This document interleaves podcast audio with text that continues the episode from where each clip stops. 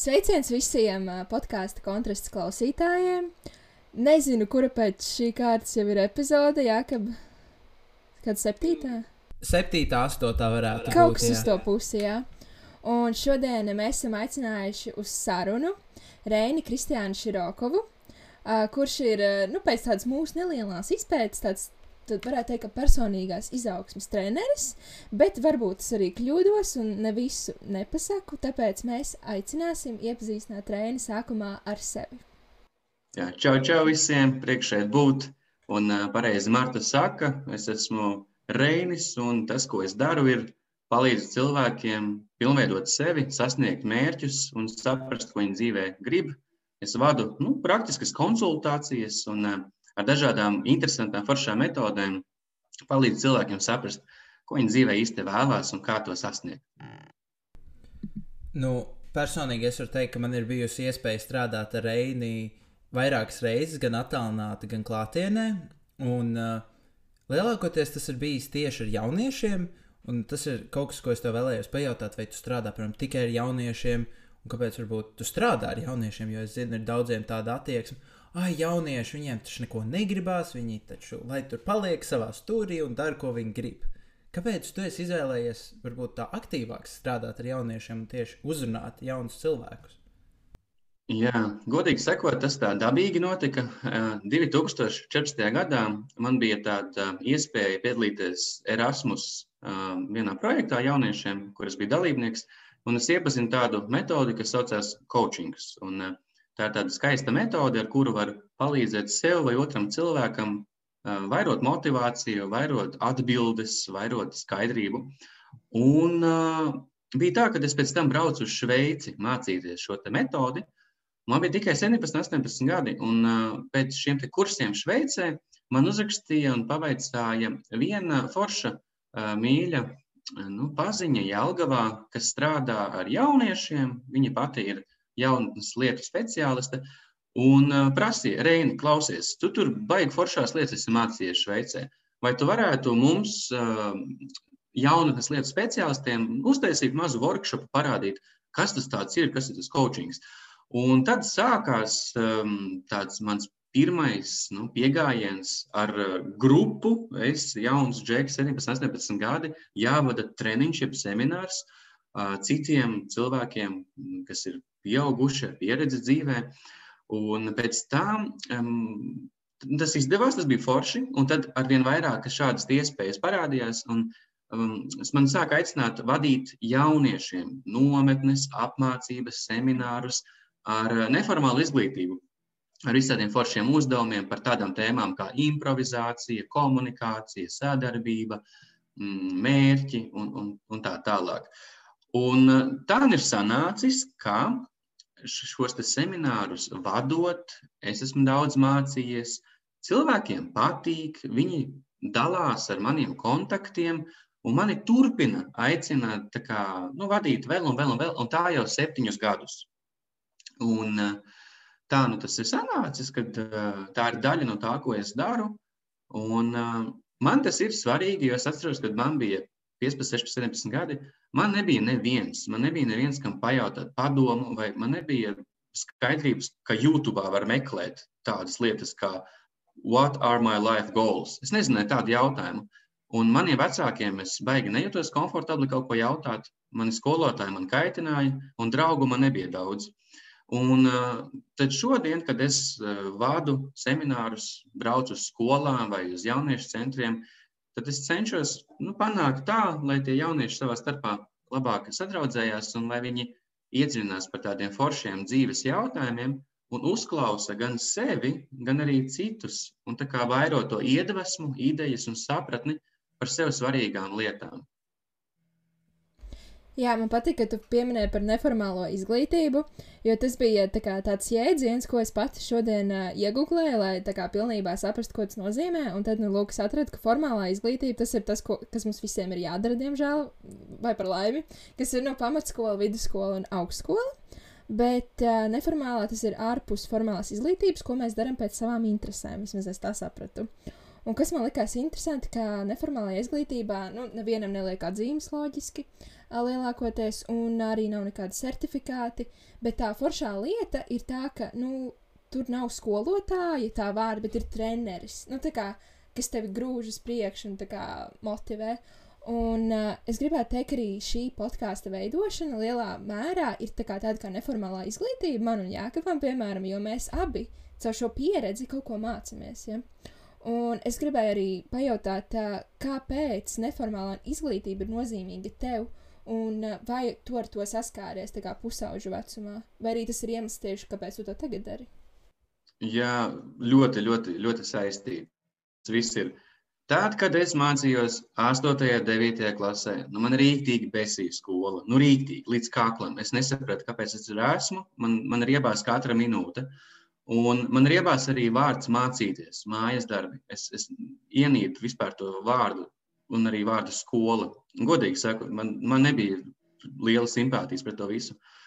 Un tād es uzzināju par tiem Erasmus projektiem un arī par neformālās izglītības apmācībām jauniešiem.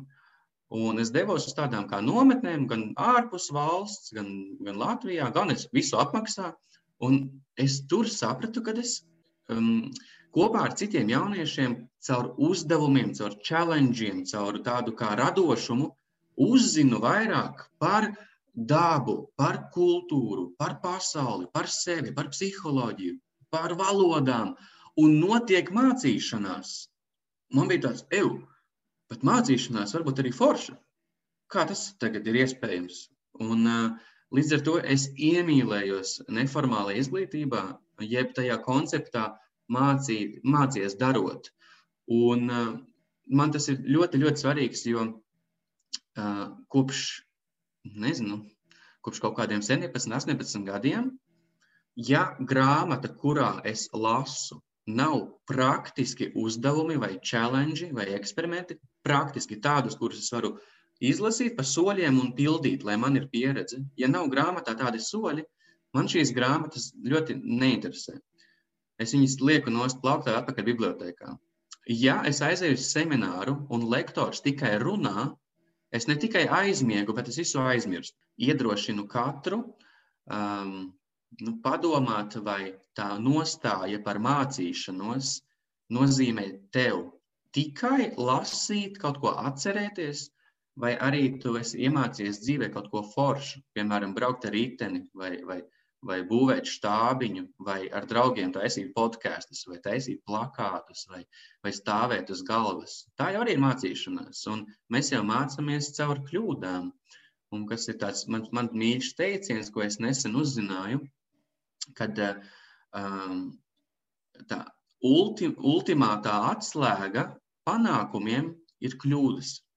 Tad lielākā atslēga panākumiem ir kļūdas, jo caur kļūdām cilvēks saprot, kur ir viņa trūkumi, tad viņš saprot, kas viņam ir jāpiemācās vai jāuztrenējās, un tad viņš jau kļūst labāks, un viņš var uzņemties lielākus izaicinājumus, projektus, darbus. Viņš atkal kļūdās, un viņš atkal mācās un kļūst vēl labāks. Un tad, ja, ja cilvēks, piemēram, A, dzīvo gadu komfortā, vienkārši sēž dīvainā un spēlē plēsi, nu, viņš varbūt nokļūdās dažas reizes tur gadā. Un cilvēks B, viņš iet uz dažādiem, teiksim, nu, pasākumiem, vai tie būtu virtuālie webināri, vai tas būtu tikšanās ar kādu projektu. Varbūt tas ir aiziet, nezinu, palīgā omei uzrakt kartupeļu vagu. Un notiek daudz kļūdas, daudz kļūdīšanās. Taču nu, ir tas A variants, viens gads divānā un B variants. Viens gads dažādos challengeos. Tad, tad kurš no šiem cilvēkiem uztrenē lielākus muskuļus, pārvarēt grūtības.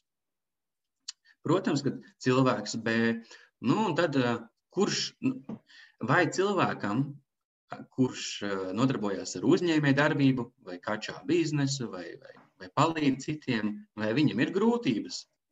Protams, un vai viņam ir muskuļi, ar kuriem pārvarēt grūtības? Ir.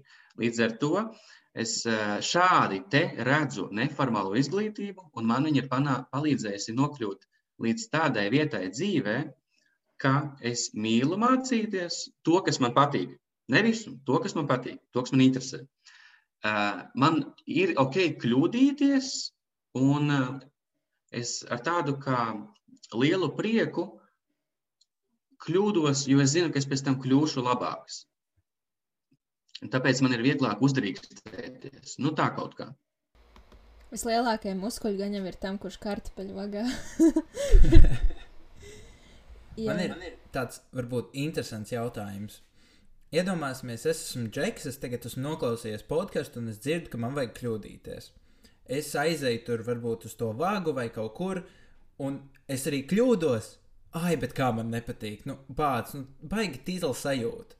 Un kā, un kā saglabāt to motivāciju, kā neapsēsties apakaļ uz dīvānu un nespēlēt to plēsi? Nu, ko es varu darīt kā jaunietis, lai, piemēram, tajos 11 gados man nav tā, ka es pamēģināju, man nesanāca, neriskēšu, viss. Varbūt tev ir kāds ieteikums. Jā, jānoklausās podkāsts vēlreiz. Uh, nopietni, jo ieklausieties, ko es minēju, kad iemīlēt kļūdīšanos un iemīlēt uh, mācīšanos. Jo, ja asociē kļūdas ar sāpēm, nu jā, pieņemsim, izdomā, remontēšu tagad sev velospēdu pirmo reizi dzīvē kaut ko tur aizķer aiz naga, tur aizkrīt skrūve, ritenis apgāžās, uzsprāgs visa māja. Nu, protams, ka pirmā pieredze ir negatīva. Un, ja uz to koncentrējās, aiz stulbais ritenis, ai, es neesmu vispār, man rokas saug no nepareizās vietas, tad, protams, ka nākošais reizi cilvēkam, nu, ja jaunietim, atceroties riteņa remontēšanu, būs tādas augstas sajūtas, nē, nē, nē, tas nav priekš manis. Bet ja uz to skatās no pilnīgi pa 180 grādiem citas perspektīvas, kad iemīli kļūdas, kad mācoties pārvarēt sevi, tu kļūsti par krūtāku, foršāku, zinošāku, interesantāku, bagātāku cilvēku, tad, ja tas ritenis apgāžas un māja uzsprāgst, tad tas ir kaifs. Tad var teikt, bāc, man tagad ir iespēja reāli kaut ko iemācīties jā, ir čakarīgi, taču es nākošais zināšu, kā to izdarīt divreiz ātrāk, divreiz vieglāk. Un eh, šeit ir nu, tāda runa par um, izvēlēm, kā mēs izvēlamies skatīties uz lietām. Un eh, ļoti, protams, um, viegli tas nav. Ja man šito kāds pateiktu 15 gados, es vispār nesaprastu, par ko ir runa. Taču es jums saku, ka manā personīgajā pieredzē uh, es esmu turējies pie tām tēmām, kas manī rada aizrautību. Tās ir psiholoģija, ceļošana, mocis, attiecības, teiksim, nauda. Es, es turos pie šīm tēmām. Un te nav kvantu fizika, kartupeļu rakšana vai velospēda riteņa remontēšana. Tēmas, kurās es jūtu aizrautību, pat ja es dabūnu pa muti, man ir ok atkal piecelties, jo mani interesē. Savukārt, ja man vispār neinteresē tā kvantu fizika, kas ir starp citu forša lieta, un ja es tur pie pirmajiem centieniem, kā saka, kļūdos un, un sāpinu sevi, nu tad ir ļoti grūti sevi noskaņot. Jā, ok, Reini, ej, ej kļūsti par kvantu fiziķi. Tāpēc tas, tie divi padomi ir viens tātad Pastīties, ka kļūda ir iespēja augt un kļūt par krūtāku cilvēku, un otrs ir ok, koncentrēties uz tām jomām, kas tieši tevi aizrauj. Un visticamāk, ka uh, nu, ir jomas, kas mums vienkārši ir jādara, piemēram, skola, uh, varbūt mājās jāpalīdz, varbūt ģimene, un ir lietas, kuras mēs izvēlamies darīt. Un tās, kuras mēs izvēlamies darīt, ir jāņem tās, kas mūs aizrauj, jo tur būs vieglāk kļu, nu, atkopties no kļūdām. Viņas būs sāpīgas, iespējams, viņas būs grūtas, taču tā interese un motivācija tur ir dabīga. Es domāju, ka ir pienācis laiks uh, vienai lietai, kas ir mūsu podkāstā. Es nezinu, tāda kā odziņa, kas ir uh, kontrasta jautājumi, šis vai tas. Tad ir dotas divas izvēles, un būs jāizvēlas viena. Un uh, izvēle ir jāveic diezgan ātri, bet varbūt dažas izvēles būs jāpaskaidro. Kāpēc? Es gatavs? Jā. Atcerēties katru savu sarunu vai visu, ko jebkad esi rakstījis. Oh, wow. uh, sarunas. Kāpēc? Um, jo man dzīvē ir bijušas ļoti skaistas sarunas, uh, daudz ar um, iedvesmojušiem cilvēkiem dzīvē, kas man ir tajā, tajos brīžos vienkārši prātā radījušas salūtu. Un es labprāt atcerētos tos salūtus un novērtētu vēl vairāk tās viņu sarunas un tos momentus. Jo ir bijušas reizes, kad es klausos ar vienu ausi, un man jau ir tā kā amazing, taču es labprāt noklausītos um, dubultā un novērtētu vēlreiz. Teikt visu, ko domā, vai nerunāt nekad? Teikt visu, ko domā. Tu izvēlētos vienmēr tikai čukstēt vai tikai kliegt? čukstēt. Kāpēc? Um, ir tāds teiciens, jo lielāks mākslinieks, jo lielāka pauze. pauze. Cilvēki bieži vien ieklausās, ja runā klusāk. Jā, šim var piekrist. Romāni vai psiholoģijas literatūra? psiholoģijas literatūru. Vai ir kāda psiholoģijas grāmata, ko tu varētu ieteikt, izlasīt citiem, kurus varbūt, kur vēl nav lasījuši to? Jā, jā. Iesākumā gribu tikai pateikt, ka, um, ja cilvēks, ja tu, Mārta, Jākabi, ja mēs jūtamies kaut kur iestrēguši savā dzīvē, tas nozīmē tikai vienu lietu. Mēs kaut ko nezinām. Taču ir gana daudz cilvēki, kas tajā tēmā ir zinoši. Un viņi ir ieguldījuši 20, 40, dažreiz 60 gadus pētot to tēmu un ielikuši pašu labāko 200 lapusēs vai 7 stundu garā audio grāmatā. Es vienkārši gribu pateikt, cik ļoti grāmatas ir nu, skaista, spēcīga lieta. Un, manuprāt, jauniešiem kas varētu būt tāds foršs, izklaidējošs un interesants, ir Robins Šarma, un viņam ir forša grāmatiņa uh, Mūks, kurš pārdeva savu Ferrari. Uh, manuprāt, tas ir tāds labs iesākums, ar kuru sākt aizdomāties par sevi, par pasauli. Un otra, kas jau ir hardcore, kas jau ir par apziņotību, par skaistu pasaules skatījumu, ir Ekhards Tolle, Jaunā pasaule.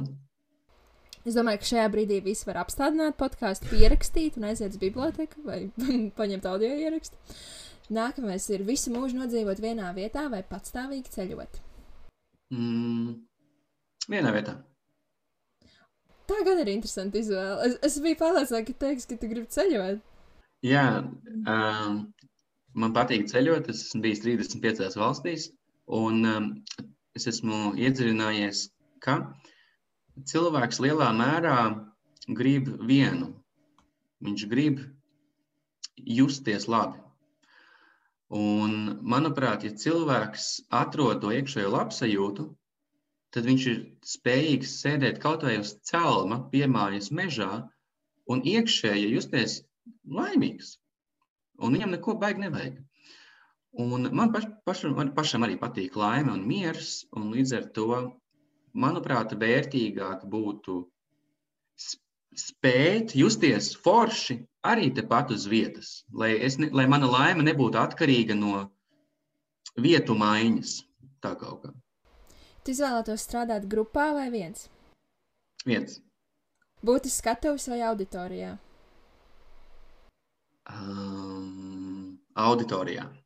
Mhm. Mm Teātris vai kino? Teātris. Kāpēc? Mm.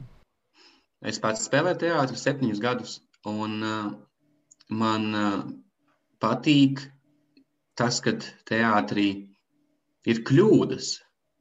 Aktieri mēdz kļūdīties, viņi var redzēt, ja ir baigās pilktā gaisma, kā viņiem sejā kāds muskulītis raustās, kā viņi trīc, kā viņi elpo, kā krūtis cilājās, kā viss notiek, kā kāds mats nokrīt, kā kaut kas paslīd. Tur ir dzīvi, tur ir te un tagad. Filma ir, filma ir es nezinu, kad. Bet teātris ir šeit un tagad. Filmā viss kļūdas tiek izgrieztas. Jā, nevar redzēt, jā. kas tur bija. Pārfilmēt. vilciens vai autobus? Hmm. Vilciens. Mm -hmm. Un uh, prāta vētra vai instrumenti, šis ir mans mīļākais. wow. Uh, hmm. Nu, labi, lai nevilktu garumā prāta vētru. Mm -hmm. Un digitālais vai papīra plānotājs? Papīra. Kāpēc?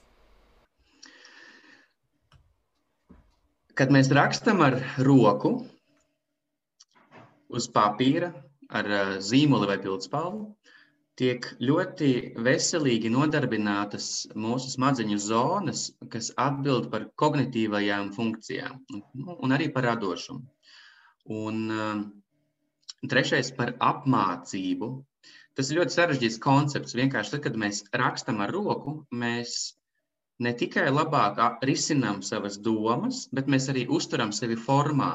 Kognitīvas funkcijas nozīmē mūsu spēja operēt, uzvesties. Ja? Tad, uzvesties, piemēram, gribu pat paņemt glāzi, paņem glāzi. Ja es visu laiku tikai lietoju elektroniskās ierīces, man lēnām sāk atrofēties manas kognitīvās spējas. Ot, par šo es arī gribēju. Pirmkārt, es absolūti piekrītu par to papīra plānotāju, jo es arī nu, jau praktiski visu laiku izmantoju tikai papīra plānotāju, jo tā ir vienkārši, nu, tu arī atceries. Man šķiet tās lietas labāk, jo tavu muskuļu atmiņu un viss pārējais. Un man es klausījos par to plānotāju, un es aizdomājos par tevi, Reini, tādā ziņā, ka tu visu šo, nu, gan arī katram tajam mašiem jautājumam, tev ir savs tāds ļoti strukturēts un kvalitatīvs pamatojums. Un kā, piemēram, es kā jaunietis Jēkabs tagad gribu uzzināt, nu, būt arī tikpat gudrs un zināt par visām šīm lietām. Bet, nu, es nezinu, kur man, piemēram, vai man rakstīts YouTube, kas ir kas, vai man iet uz semināriem. Nu, kas ir tas labākais veids, kā jaunietis var iemācīties šīs lietas? Labs jautājums, Jākab. Nu, redz, mums māca ķīmijas elementu tabulu, kvadrātsakni, Pitagora teorēmu, kā uzjaukt zaļu krāsu, kā lekt ar lecamauklu minūtē, cik tur tās reizes. Un beigās mums iedod vidusskolas vai augstskolas dokumentu un saka, ej dzīvē. Taču kurš mums iemāca, kā runāt ar cilvēkiem, kā veidot draudzības, kā vadīt savas domas un emocijas, ko ēst, kā, kā rīkoties ar savām finansēm, kā veidot ģimeni, kā, kā, vai vajag ģimeni vispār. Kurš mums to māca? Un pa lielam neviens, tik viens, cik varbūt draugi vai ģimene. Un tad tas mans ieteikums ir, kā kļūt ne, ne jau gudram. Tā kā gudri cilvēki nav laimīgi bieži vien. Mm. Ja jūs paskatīsieties uz gudrākajiem, intelektuālākiem cilvēkiem, viņiem ir daudz naudas, viņiem ir daudz slavas, bet vai viņi staigā un tev gribas pieiet klāt, viņu apskaut, vai viņš izstāsta nu, priecīgs, jauks cilvēks? Bieži vien nē. Uh, tas, kas, tas, kas man ir, uh, ir uh, neliela daļiņa apziņotības dažās tēmās. Es neteiktu, ka es esmu gudrs. Es teiktu, ka es apzinos dažas tēmas. Un ko tas nozīmē cilvēku vārdiem? Tas nozīmē vērot un pamanīt. Tad, kad man bija 17, 18 gadi, es jutos rītīgi slikti divas trešdaļas no mēneša. Tātad 20 dienas mēnesīs, nu, varbūt nu, kaut kas tāds. Biju neomā, kašķīgs un besījos ārā. Man tas apnika, un es sāku pievērst uzmanību, kāpēc tas tā ir. Un es sapratu, ka tās ir manas domas, mana attieksme un manas reakcijas. Un tad es sāku lasīt par to grāmatas. Aizgāju uz bibliotēku, stāvēju tur desmit minūtes un lasīju grāmatu nosaukumus. Un viena grāmata eh, teica, kā, nu, eh, iemācies, kā vadīt savas domas. Man likās, nu labi, paņemšu. Izlasīju to grāmatu kaut kādu četru mēnešu laikā. Ieguvu vismaz trīs trikus, jeb tehnikas, kā savas domas mainīt. Pēc tam es sapratu, ka man ir kaut kāda identitātes krīze, Nezinu, kas es esmu, kas es gribu būt. Sāku to vērot. Atradu, kad ir jauniešiem Erasmus treniņš par tādu tēmu. Aizbraucu uz to treniņu, ieguvu desmit. Jaunas idejas, rīkus, kā saprast, kas es esmu, ko es gribu dzīvē darīt.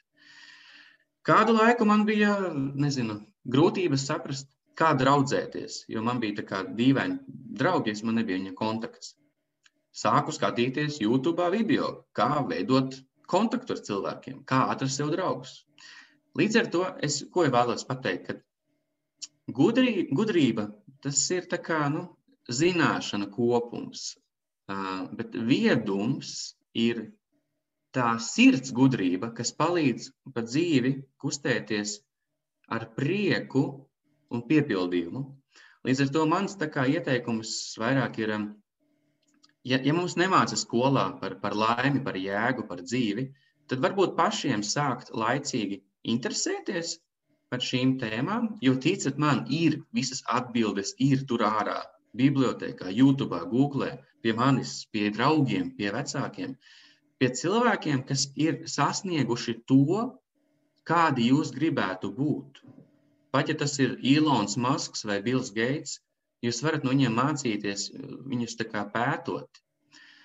Nu, lūk, tā kā vairāk nevis gudrība, bet spēja apzināties, pamanīt, vērot un izvēlēties. Nu, tāda gudra, vieda lieta, taču es tiešām no sirds to jums saku. Man patīk, ka tu pieminēji par tiem uh, draugiem, nu, tā kā, kā cilvēki apmēram YouTube, Google, kā, kā veidot sarunu, jo man tā vispār, man liekas, nav šķītus problēma. Es kaut kā diezgan dabiski to visu, man liekas, proti izveidot, un tas ir diezgan forši. Tādā ziņā, bet man liekas, ka lielāka problēma ir bieži vien tā kā ilgtermiņa draugi, nu, noturēt to visu, saglabāt to kontaktu, uzturēt. Un tad uh, varbūt par tēmu, tā kā, varbūt varētu pastāstīt vairāk par tā kā paštēlu kas tas ir un kā to uzlabot, kā sākt apmēram sarunu. Ka, ar ko tu saki, kad iepazīsti cilvēkus? Vai tas ir, es nezinu, kaut kāds izglītības līmenis vai, vai, vai tavas īpašības? Kas tavuprāt ir svarīgs, ar ko sākt? Jā, Jā paldies tev, Marta. Um, tas ir milzīgs jautājums, un tāpēc es pateikšu kaut ko īsu un foršu. Foršā lieta sekos tulītēs. Pirmā lieta ir, ka šo mākslu, reāli ir tāda māksla, ir kompetence. Tāpat kā žonglēt bumbiņas vai, vai braukt ar mašīnu, tāpat ir kompetence ar katru cilvēku atrast kopīgu valodu. Šo kompetenci sauc rapport. Tas ir franču vārds, kas saucās rapport, bet angliski viņi runā rapport. Un tā ir milzīga māksla, tas ir psiholoģijas virziens, ka, kas ir super dzīvē noderīga prasme. Vienkārši, ja, ja kādreiz dzīvē ļoti gribās kļūt par komunikācijas meistaru, tad ir vesela māksla priekš tā. Savukārt, ko mēs varam darīt jau no šodienas, lai veidotu draudzības? Nu, ir jāsaprot mm, nu, divas lietas. Pirmā lieta, ka mums vajag un gribās draugus vai puisi vai meiteni, tāpēc, ka dziļi sirdī mēs neesam pietiekami paši sev. Mēs gribam citus, jo mēs paši sev neesam gana pietiekami. Un tad ilgtermiņā laba lieta, ko darīt, ir iepazīt sevi un radīt savu paštēlu tā, ka tu pats sev esi patīkams. Un tad notiek interesanta lieta. Tev vairs draugus neprasās, jo tev ir interesanti iet pastaigā uz mežu, uz veikalu, gar jūru, vai braukt ar riteni, vai longboardu, vai nezinu, gulēt un vienkārši domāt par dzīvi. Tev ir interesanti un patīkami pašam ar sevi. Čekot telefonu vai Instagram, tas kā, nav aktuāli, jo tev ir interesanti ar sevi. Tas ir iespējams. Un kas ir smieklīgākais, ka tad, kad cilvēks ir šādu līmeni sasniedzis, ka viņš ir patīkams, pēkšņi visi ar viņu grib draudzēties. Un Viņam draugs nevajag, bet pēkšņi visi viņi grib draudzēties. Kāpēc? Kā jums šķiet, kāpēc tā ir? Tāpēc, ka viņam apkārt būtu patīkami, jo viņš ir pozitīvs. Viņš pozitivitāti izstaro. Jā, Marta, kā tev šķiet? Es tagad tagad nevaru iedomāties. Es domāju, varbūt tas cilvēks, kamēr viņš ir ar sevi, viņš varbūt pats attīst kaut kādas savas prasmes, varbūt. Un citiem tāds, o, oh, viņš, es nezinu, kamēr viņš tur viens, viņš nezinu, notamborējis cepuri apmēram, un tagad es sadraudzēšos, tamborēsim kopā apmēram. jā, jā, jā, jums abiem taisnība. Un tad tas kopsaucējs ir, ka šādam cilvēkam, kurš ar sevi ir mierā un pats ir patīkams sev, viņam neko nevajag no citiem, un citi to jūt. Un līdz ar to viņš ir nevis ņēmējs, bet devējs. Un cilvēkiem patīk devēji. Līdz ar to, ja tev varbūt trūks draugi vai ir grūti dibināt kontaktus ilgtermiņā, tad tas var būt tāpēc, ka cilvēki jūt, ka tu dikti no viņiem kaut ko gribi. Un varbūt tava šu, šī brīža esošā situācija, varbūt grūtības tikt galā ar, ar sajūtām, ar domām, varbūt tā nogurdina citus. Jo nu, gribās uzmanību, gribās mīlumu, un tā kā mēs to mēdzam pieprasīt. Dažreiz ar kaut kādām blēņām, dažreiz darot pāri. Es pats tāds biju, man bija 15 gadi. Es mēģināju dabūt klases biedru uzmanību, apceļot citus klases biedrus. Un es biju rītīgs, rītīgs kā, nu, ne, negatīvs, riebīgs cilvēks. Un, bet es vēlāk sapratu, ka tas bija daļai tāpēc, ka man vecāki strīdējās un arī izšķīrās. Man kaut kādu uzmanību, kas mājās pietrūka, es mēģināju ar klases biedriem un skolotājiem un strīdiem dabūt. Tā kā nu, mēdz tā notikt. Un šī prasme kļūt patīkamam, nu, es jums teikšu godīgi, nu, tas var aizņemt daudz gadus, jo par to līdz šim, kā saka, neviens vajag nemāca. Taču tas ir iespējams. Un mazais knifiņš, kā vēl, teiksim, uzsākt sarunu, ir pajautāt svešam cilvēkam, Nu, vai, vai pieņemsim tur paralēli klases biedram, ah, čau, es tur tevi esmu ievērojis, klausies, nu, nu gribētu tev parunāties, un varbūt var pastāstīt, ko tev ļoti patīk darīt. Un ticiet man, cilvēkiem ārkārtīgi patīk pļāpāt par to, ko viņiem patīk darīt. Un var gadīties tā, ka es satieku paralēli klases biedrus, viņi nepazīst, bet ir kaut kāda ekskursija vai, vai teiksim, zūm, zvans, tur čats. Un, ah, čau, es dzirdēju, ka tu tur nodarbojies ar ekstrēmo sportu. Vari lūdzu vairāk pastāstīt, man ļoti interesē. Un viņš sākumā domā, nu, nu labi, nu pastāstīšu, nu es tur nodarbojos tur ar, ar klinšu kāpšanu un nu, tur ziemā ar snowboardu trikus taisu. Un tad, wow, kā tu to dari, pastāsti vēl. Un tas cilvēks domā, oh, oh, oh, oh, nu, nu, labi, nu, es pastāstīšu. Nu, es to daru tā un šitā. Ej, tu nost, wow, pastāsti vēl. Un viņš, oh, nu, un viņš var šādi stāstīt, stāstīt, stāstīt. Un vienā brīdī notiek kas. Tas cilvēks jūtas uzklausīts, sadzirdēts un novērtēts. Un var gadīties, ka pēc dažām minūtēm, dažreiz pēc pusstundas, dažreiz pēc stundas, dažreiz pēc nedēļām, tam cilvēkam ienāk prātā doma, hei, šis sarunu biedrs ir tik jauks, un es par viņu neko nezinu. Vai varbūt es viņam kaut ko pajautāšu? Klau, Reina, ko tev patīk darīt? Aha, es jau domāju, tu nekad nepajautāsi. Un tad es sāku stāstīt par sevi. Un, ja mums ir kopīgas intereses, man pieņemsim arī patīk, es nezinu, tur challenge un ekstrēma dzīve. Viss mums ir kā pa ceļam. Bet, ja es pieeju klāt pie klases biedra, pajautāju, ko tev patīk darīt, viņš saka, Man patīk mest šautriņas. Es tā, ah, cool. Viņš tā, ko tev? Ah, nu, es datoru spēlēju. Ah, cool. Kas saka? Exit the chat. Es saprotu, ka šī komunikācijas tēma dažreiz ir tik smieklīga, jo, piemēram, es eh, arī veidoju savu skolēnu mācību uzņēmumu, un es esmu atbildīga tieši par komunikāciju, kas nozīmē, ka man ir jāsazinās ar katru klientu, un tur, protams, nav tikai tādas sarakstas apmēram, kas ir, labdien, vēlos tādu, tādu izmēru, tur produktu, adresi, viss pārējais. Nē, dažreiz tur ir tādi jauki komentāri, un daži ir tādi indīgi, un tad tev ir kaut kā tas, eh, tā visa saruna tā kā jānolīdz, un es nezinu es nevaru būt uh, atbildēt pretī ar kaut ko. Man ir nu, tas viss tā smuki jāiziet cauri. Bet, laikam, smieklīgākais ir bijis, kad vienā nometnē mums bija jāstaigā pa ielām un jāpiedāvā uz ielas cilvēkiem mūsu produkts. Tad, tad jāsāk saruna svešinieku. Un tajā brīdī mums pateica, mums pusstundas laikā ir desmit cilvēki. Pusstundas laikā. Svešā pilsētā turklāt. Un tas bija tāds rīktīgs challenge. Bet dažos brīžos pat izveidojas tik jaukas sarunas, ka tu sāc runāt tieši par problēmu, piemēram, ko risina tos produktus. Un mēs ar vienu māmiņu tā izrunājāmies. Es nezinu, komunikācija ir kaut kas maģisks. forši, forši. Jā. Nu, redz, varbūt jums tas izdevās ar kādu vairāk, ar kādu mazāk brīžos, kad jūs piegājāt pie cilvēka nevis ar vēlmi no viņa kaut ko dabūt, bet reāli cilvēciski parunāt vai pat kaut ko dot.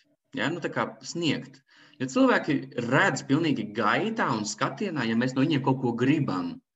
Ja? Tas cilvēks mazliet biedē. Un, um, un tieši tāpēc tas, tas nu, ir svarīgi vairāk fokusēties uz tādu kā cilvēcisku, vienkāršu kontaktu, da, īstu interesi, patiesu interesi. Nu, uzzināt vairāk, pat ja man tās šautriņas neinteresē, es varbūt tajā brīdī varu kaut ko uzzināt. Un es, es pajautāju, ko nozīmē šautriņas mest. Un tad es uzzinu, ka tas ir vesels pasaules sports. Un es tagad esmu kļuvis gudrāks. Paldies tam cilvēkam! Nu, man ļoti patika tas brīdis, kad tu stāstīji tieši par to sevis iepazīšanu, un kā, ka tu jūties ērti ar to.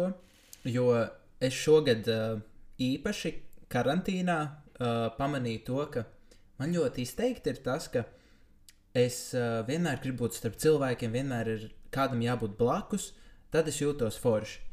Un uh, tad esmu iemests karantīnā, kur tev jāsēž mājās vienam, un es sapratu, bācis, ko lai es tagad daru. Un tā es lēnām un lēnām, varētu teikt, sāku justies aizvien ērtāk un ērtāk ar sevi. Un tad uh, savā dzimšanas dienā es biju Somijā, Kalnos, un man kā, ģimene izmeta nekurienes vidū, nu, tas bija ar lūgumu tādu. Uh, 40 km no mūsu mājas, un es viens pats nogāju pārgājienu. Tas bija mans pirmais pārgājiens, tas bija nu, nekurienes vidū. Tas bija tas foršākais, ka es tajā brīdī sapratu, ka es jūtos tiešām ērti ar sevi tajā mirklī, ka man ir interesanti, ka man neprasās ne mūziku, neko. Es baigi forši. Un, nu, es nezinu, kā es līdz tam varbūt nokļuvu, vai, vai tas bija obligāti vai nē, bet man ir baigais prieks, ka kaut kas tāds ir un ka ir, tāds, ir kaut kas tāds iespējams. Un es pat nezinu, kā lai to kā noformulē. Man gribētos, lai visiem tā ir, jo daudziem arī ir tas tā pakāpe, ka viņi neēr, jūtas nērti ar kādu, viņiem vajag to drošības cilvēku. Ka, piemēram, es nezinu, vienmēr kaut kur jāiet ar draugu. Ja nav draugs, kas būs seminārā, ai, tad es neiešu. Ko tur viens? Un es tieši mēģinu iet viens tagad, lai sevi izaicinātu. Un tā ir tāda, nezinu, interesanta lieta. Man baigi patīk. Varbūt tev ir kaut kas komentējums pie šī. Man, mans komentārs ir, ka tu esi malacis. Malacis, Jākab. Ai, paldies. um, es, es zinu nu, gan par sevi, gan par jauniešiem, gan par saviem draugiem dažiem, kad ļoti gribās to kompāniju un to citu cilvēku novērtējumu. Un, uh, tur apakšēji daļai arī tāds kā nu, bioloģisks iemesls. Mēs cilvēki esam sociālas būtnes, un mēs saprotam sevi salīdzinot sevi ar citiem. Ja, piemēram, um, kādam matemātikā dod devītniekus, desmitniekus, un viņu sauc par gudru pirmajā klasītē. Un man liek kaut kādus seši vai pieci. Un, es, un man saka, ka, nu, tu vari labāk, bet es, es dzirdu, hei, viņu nosauc par gudru, mani nē. Un tad es sevi, sevi salīdzinu ar viņu, un tad man radās priekšstats par sevi, ka viņš ir gudrais, es nē. Un tad nu, tieši caur salīdzināšanu mēs, īpaši pusauģi, mēs eh, diezgan izprotam sevi un savu lomu pasaulē. Bet tā kā tu teici, nu, ka ja tu vari viens iet pārgājienā vai aiziet uz kino vai uz veikalu un, un, un to izbaudīt, tad tu esi pats savas laimes noteicējs. Savukārt, ja tu nopērts kino biļetes, un tev draugs neparādās, vai draudzene, vai tu gribētu aiziet uz kaut kādu notikumu, taču tev nav ar ko aiziet, un tad tu paliec mājās. Tas nozīmē tikai vienu. Tā kā tava laime ir atkarīga no citiem, un tad tev laime ir viegli sačakarēt. Jā, es uh, tagad es atceros par tēmu, par ko es gribēju pajautāt jau iepriekš. Uh, uh, kad mēs runājām vairāk par coaching kā tādu. Un tad uh, es sapratu, ka tu jau Šveicē mācījies, tikai tev bija 17, 18 gadi. Tā kā, tā kā mēs arī jākap, principā, tādā vecumā. Un kas man liekas ļoti maz, jo es nezinu, es nevarētu sevi iedomāties tagad izraut no savas gimnāzijas vides, tagad kaut kur pēkšņi aizbraukt mācīties prom. Bet tas, ko es gribēju pajautāt, vai pēc tam, kad tu tātad, šo te izglītību, tā, tā kā coaching jomā, vai pēc tam tev pašam ir šķitis kādā dzīves brīdī, ka tev pašam vajadzētu kādu coachu, nu, kā, es nezinu, vai bijis kāda situācija, kad tev šķiet, ak, Dievs, jā, es kā pats sev vairs nevaru palīdzēt. labs jautājums. Um, lai ieskicētu to realitāti, kad man bija 17, 18 gadi, tas, un es braucu uz Šveici, tas fiziski izskatījās tā, ka es mācījos skolā, taču es iekrāju pats savu kabatas naudiņu, un trīs reizes laikā no septembra līdz jūnijam, trīs reizes lidoju uz Šveici, uz Bāzeli un pavadīju tur trīs un dažreiz četras diennaktis. Tas nenozīmē, ka es dzīvoju vien, nu, veselu gadu Šveicē, bet es tos kursus apmeklēju. Tad, tad bija trīs moduļi klātienē, viens modulis online. Un uh, vienkārši lai ieskicētu to realitāti. Un, uh, jā, tad, tad, kad es to coachingu iemācījos, es iemācījos arī ļoti labi sevi apzināties un sev palīdzēt. Taču interesanta lieta, kad sāk sevi pētīt un atrod, teiksim, skolotāju, iedvesmas personu vai grāmatu vai YouTube kādu kanālu. Tikko kā izdodas sevi uzlabot kādu lietu, drīz vien pie durvīm klauvē nākošā. Nu, piemēram, tad gribas būt pašpārliecinātākam tur uz, nezinu, publiskajā runā, paiet pusgads, tas tiek sasniegts, hops, paiet dažas dienas, nedēļas, un pēkšņi saproti, ka tev ir, nu, tu kaunējies skatīties cilvēkiem acīs autobusā. Saproti, nu, bāc, kas atkal par, par, par šoku. Un īstenībā ļoti daudz lietiņas var uzpeldēt, kuras mēs sevī risinām. Ir īpaši cilvēkiem, kuriem ir bijušas traumas un sāpīgas pieredzes dzīvē. Tas darbs ar sevi, ar savu uh, mentālo veselību, bieži vien ir uh, skaists un uh, ilgs, jo pēc vienas lietas nāk nākošā lieta, un līdz mēs kļūstam lielākā mierā ar sevi, līdz paliek labāk. Un man ir bijuši ļoti, ļoti daudz tādu jautājumu, kuros es esmu iesprūdis, kas man neļauj gulēt, kas man rada trauksmi, skumjas, pārdzīvojumus, vientulību. Un, godīgi sakot, es viņus viens risināju. Arī pēc tā coaching certifikāta. Jo es kaut kā intuīcijā jūtu, ka visas atbildes ir manī. Man palīdz šad tad kādi spēcīgi semināri, un dažreiz es no sirds izrunāju ar draugiem. Un kamēr es runāju un stāstu draugiem, kas ar mani notiek, manī atbildes jau pašas atnāk. Un ir reizes, kad es eju pie, pie koča vai pie uh, konsultanta. Es esmu bijis pie biznesa konsultanta, es esmu bijis pie grāmatvežas konsultācijām, es esmu bijis uh, pie pie terapeita, nu, kā klients pats kaut kādas reizes, nu, 10 vai 11, arī pie, pie biznesa, nu, koča tieši par biznesu esmu gājis.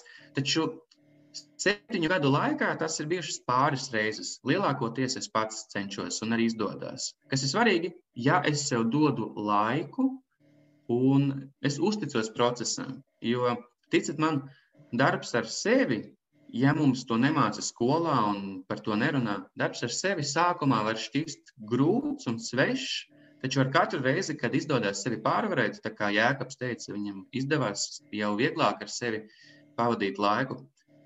Nākošos tos izaicinājumus un tās problēmas jau ir vieglāk risināt. Ja pat par vienu procentu, bet vieglāk. Par to es tieši gribēju arī.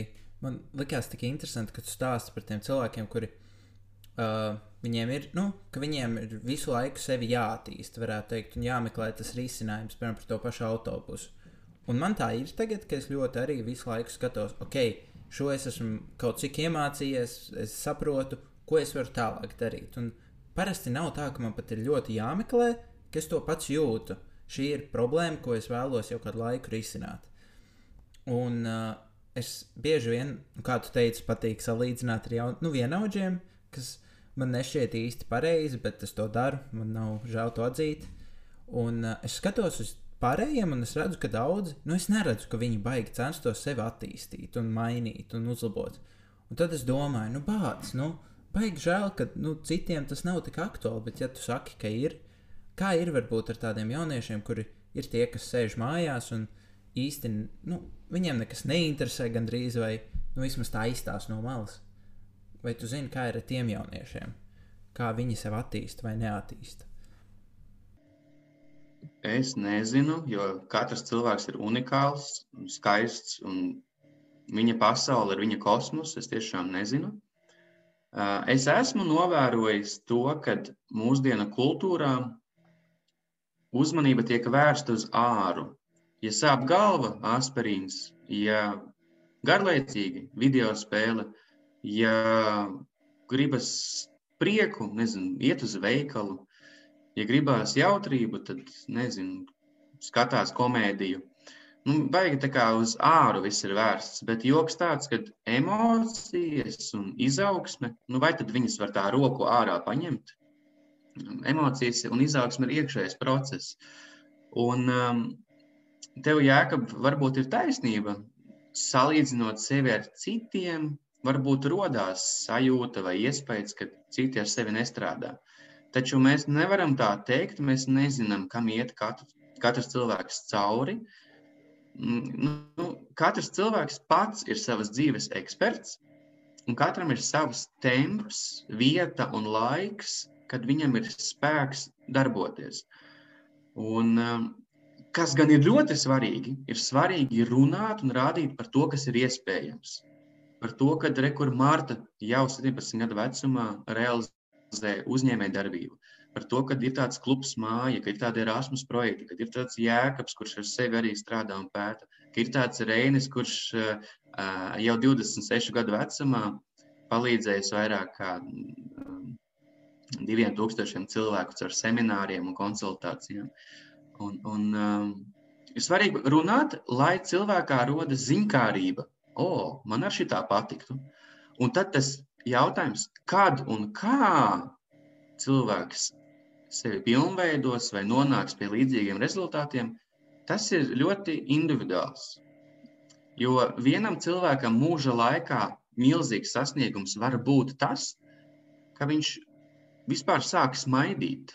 A citam cilvēkam milzīgs sasniegums varētu būt ģimene ar septiņiem bērniem, četrstāvu māja jūrmalā un 50 uzņēmumi un iekšēji tur ekstāzes stāvoklis.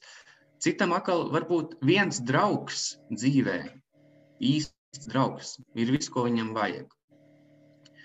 Tā kā mēs baigi nevaram zināt, taču man šķiet, ir krūti aicināt cilvēkus aizdomāties. Es tā jūtu, ka mums saruna lēnām, lēnām pasolīšana tuvojas uz beigām. Un tad ir neliels noslēguma jautājums no manis, bet tas ir domāts gan Jākabam, gan Rēnim. Uh, Ko jums nozīmē vārds laime? Jā, ka. Ah, es sāku, jā. Ah, forši. um, es nezinu, laime ir tad, kad uh, tu uz to mirkli aizmirsti par problēmām sev apkārt, un tu droši vien esi tādā ļoti brīvā, nu, tu jūties ļoti brīvi tajā mirklī, un ka tev īsti ir viena alga, kas notiek apkārt, vai kāds tevi tagad kritizē, uh, vai tev tagad nav mājas darbs jāizpild. Tu vienkārši esi laimīgs, tāpēc ka kaut kas ir noticis vai kaut kas notiek. Priekš manis tā, laikam, būtu laime, ja tā uz ātrā reini. Labs, labs, es pievienojos un es padalīšos, eh, kā es to arī redzu. Uh, man ir viens skolotājs YouTube, kas mani iedvesmo. Viņš ir guru, viņš ir sirds onkulis, ļoti jautrs un ar foršu angļu valodu. Uh, Un uh, viņš man izskaidroja, kas laime ir. Starp citu, to onkoli var atrast, uh, viņu sauc Sadhu Guru. Sadguru.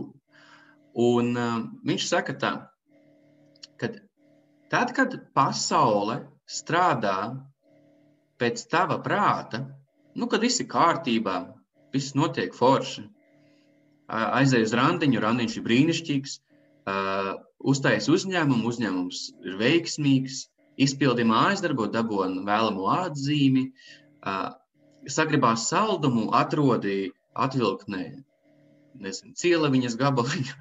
Tad tādos brīžos, kad pasaule it kā strādā pēc mūsu prāta, tad cilvēks ir laimīgs.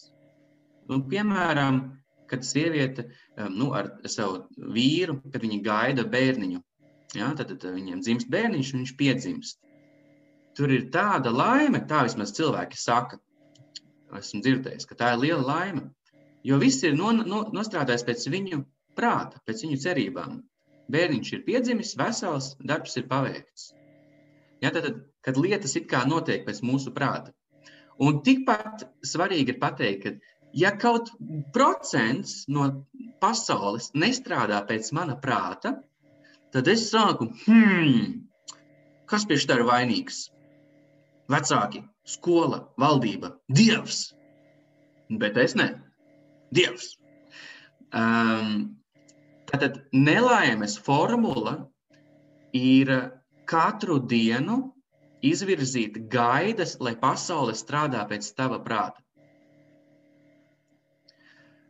Un atkal tā pirmā doma, kā viņu uztaisīt tā, lai visu laiku ir laimīgs cilvēks, principā dzīvot bez gaidām un novērtēt un pateikties par visu.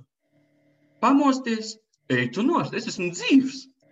Aizēt pie krāna, eh, zobu birsti saslapināt, ej, tu nost, ir ūdens, ir elektrība, man ir zobu birste un pat bišķiņa zobu pasta.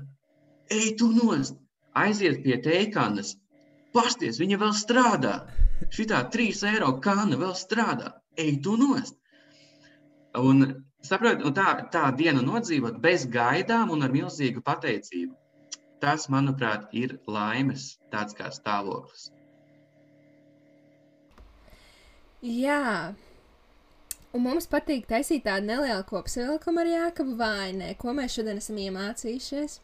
Uh, Tātad tas, ko es paņemšu pēc šīs sarunas, būs tas, ka jāpaņem bibliotekā kāda Robina Šarmas grāmata. Otrs vārdiņš ir rapora, jeb kā man ir pierakstīts māksla veidot draugus, bet es nezinu, kāda, kāds ir tas īstais nosaukums. Un trešais punktīšs man ir sad guru, kuru ja, noteikti jāpaskatās, lai iedvesmotos. Forši. Hmm.